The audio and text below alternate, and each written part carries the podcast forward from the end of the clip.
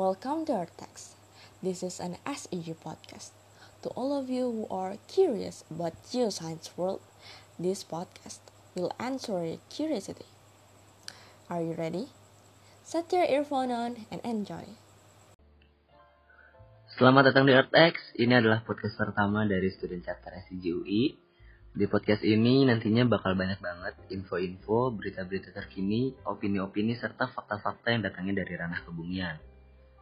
Di episode pertama ini, kenalin, gue Anzal. Gue punya beberapa informasi terkait dampak COVID-19 terhadap ranah kebumian. Nah, seperti yang udah kita tahu nih, COVID-19 kan pertama kali menyebar itu di kota Wuhan, di Cina, yang selanjutnya menyebar ke negara-negara di seluruh dunia, termasuk Indonesia. Di Indonesia sendiri, COVID-19 baru masuk pada tanggal 2 Maret 2020. Dan hingga bulan Mei ini, Indonesia masih berusaha menanggulangi serta mencegah penyebaran yang lebih luas. Uh, beberapa negara sudah mengeluarkan kebijakan lockdown untuk beberapa kota yang dinyatakan sebagai zona merah. Kebijakan lockdown ini mengakibatkan aktivitas ekonomi terhenti. Tidak hanya uh, aktivitas produksinya, melainkan juga konsumsinya. Kebijakan lockdown inilah yang menjadi alasan utama harga minyak dunia menurun tajam. Produksi minyak dunia dilakukan secara terus-menerus, akan tetapi tingkat konsumsi masyarakat menurun akibat kebijakan lockdown yang diterapkan. Tapi, selain kebijakan lockdown yang diterapkan di beberapa negara, ternyata ada juga penyebab lain yang mengakibatkan harga minyak dunia menurun tajam. Salah satunya adalah polemik antara Rusia dan Arab Saudi. Jadi, eh, di awal Maret 2020 kemarin, negara-negara yang tergabung di OPEC Plus melakukan pertemuan untuk membahas usulan pemangkasan produksi minyak dunia. Nah, tapi Rusia menolak usulan tersebut. Alhasil, penolakan ini membuat Arab Saudi ikut menolak juga nih usulan pemangkasan produksinya. Alih-alih menurunkan produksi, Arab Saudi justru meningkatkan produksinya menjadi 10 juta barel per hari dan menjual dengan harga rendah di angka 6 sampai 8 US dollar per barel. Nah, jelas dong hal ini membuat kondisi harga minyak semakin nggak stabil. Tapi uh, akhirnya pada awal April, akhirnya Rusia dan Arab Saudi sepakat untuk memangkas produksinya sebanyak 9,7 juta barel. Akan tetapi, pemangkasan ini ternyata tidak serta-merta langsung membuat harga minyak dunia kembali ke harga normal. Bahkan, tanggal 21 April 2020 kemarin, harga minyak WTI menurun ke harga minus 37 US dollar per barel. Harga minus ini sebenarnya bukan harga minyak dunia secara keseluruhan. Jadi ini cuma harga minyak WTI atau West Texas Intermediate salah satu pemasok minyak dunia dari Amerika. Nah, jadi WTI ini tuh punya sistem pembelian uh, yang namanya kontrak berjangka atau future contract. Jadi bagi siapa pun yang mau beli minyak di WTI, itu harus mesen dari 1 hingga 2 bulan sebelumnya. Dan untuk kontrak Mei 2020, terakhir pembelian itu jatuh di tanggal 21 April 2020. Pada tanggal tersebut, para pelaku industri yang memiliki kontrak Mei 2020 Ternyata mereka nggak punya lagi tempat penyimpanan minyak yang cukup. Alhasil, mereka rela membayar siapa saja yang mau mengambil atau mengklaim kontrak Mei 2020 mereka. Itulah mengapa harga minyak WTI mencapai angka minus 37 US dollar per barel. Nah, itu info pertama uh, dampak COVID-19 terhadap uh, ranah kebumian. Selanjutnya, info kedua datang dari dalam negeri.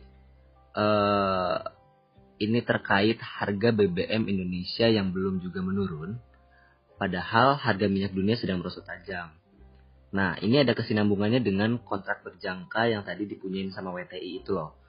Jadi, eh, menurut Dirut Pertamina, harga BBM di Indonesia khususnya Pertamina itu belum turun dikarenakan harga BBM yang dijual pada bulan April dan bulan Maret itu adalah BBM yang diolah dari minyak bumi yang diimpor pada bulan Januari dan Februari, di mana harga minyak masih stabil di angka 50 sampai 60 US dollar per barel.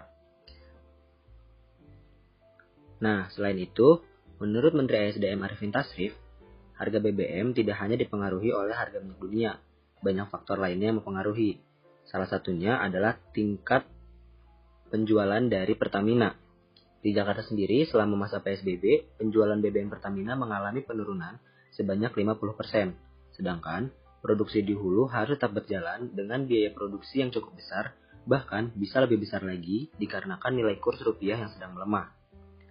Selain hal tersebut, Menteri ESDM juga khawatir uh, harga minyak dunia mengalami rebound yang sangat drastis, seperti yang pernah terjadi di tahun 2008, di mana harga minyak pernah menurun sampai di harga 38 dolar per barelnya. Lalu, tiga bulan selanjutnya, naik secara drastis ke harga 70 dolar per barel. Nah, fenomena inilah yang menjadi uh, salah satu pertimbangan mengapa harga BBM di Indonesia belum juga turun. Info yang ketiga merupakan dampak positif dari COVID-19. Dr. Martin Molhoff, seorang Director of Seismic Networks di Dublin Institute for Advanced Studies yang disingkat sebagai DIAS, menyatakan uh, di website DIAS bahwa lockdown itu tidak hanya berdampak pada berkurangnya polusi udara, melainkan juga pada menurunnya tingkat seismic noise. Nah, seperti yang kita tahu, e, kalau aktivitas manusia seperti penggunaan kendaraan bermotor, aktivitas industri, atau pembangunan-pembangunan menghasilkan getaran-getaran atau suara-suara yang mempengaruhi pengambilan data seismik. Nah, pada masa lockdown ini di Irlandia, uh, seismic noise-nya itu mengalami penurunan hingga tiga kali lebih rendah dibandingkan sebelum adanya kebijakan lockdown nggak cuma di Irlandia, uh, ternyata para seismologis dari Royal Observatory of Belgium di Brussels juga menyatakan hal yang sama, bahwa tingkat seismic noise di negaranya mengalami penurunan.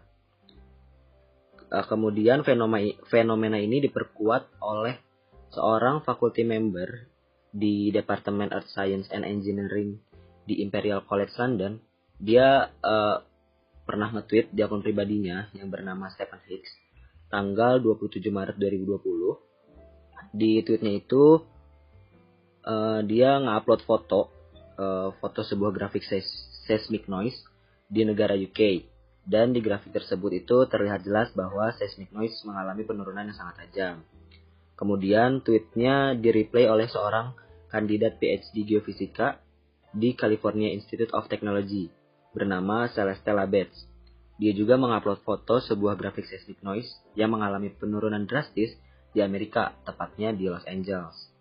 Menurut para earth scientist, kondisi seperti ini harus dimanfaatkan secara baik untuk mendapatkan data seismik yang lebih presisi. Oke, info tadi menutup podcast episode pertama ini. Semoga info-infonya bermanfaat. Gue secara pribadi dan mewakili SIGUI mengucapkan bela sungkawa sedalam-dalamnya bagi keluarga kor korban COVID-19 Semoga diberi kesabaran dan juga ketabahan. Dan untuk kita semua yang sedang sama-sama berjuang, semoga selalu diberi kekuatan dan perlindungan. Gue Anzalna pamit, sampai ketemu di episode selanjutnya.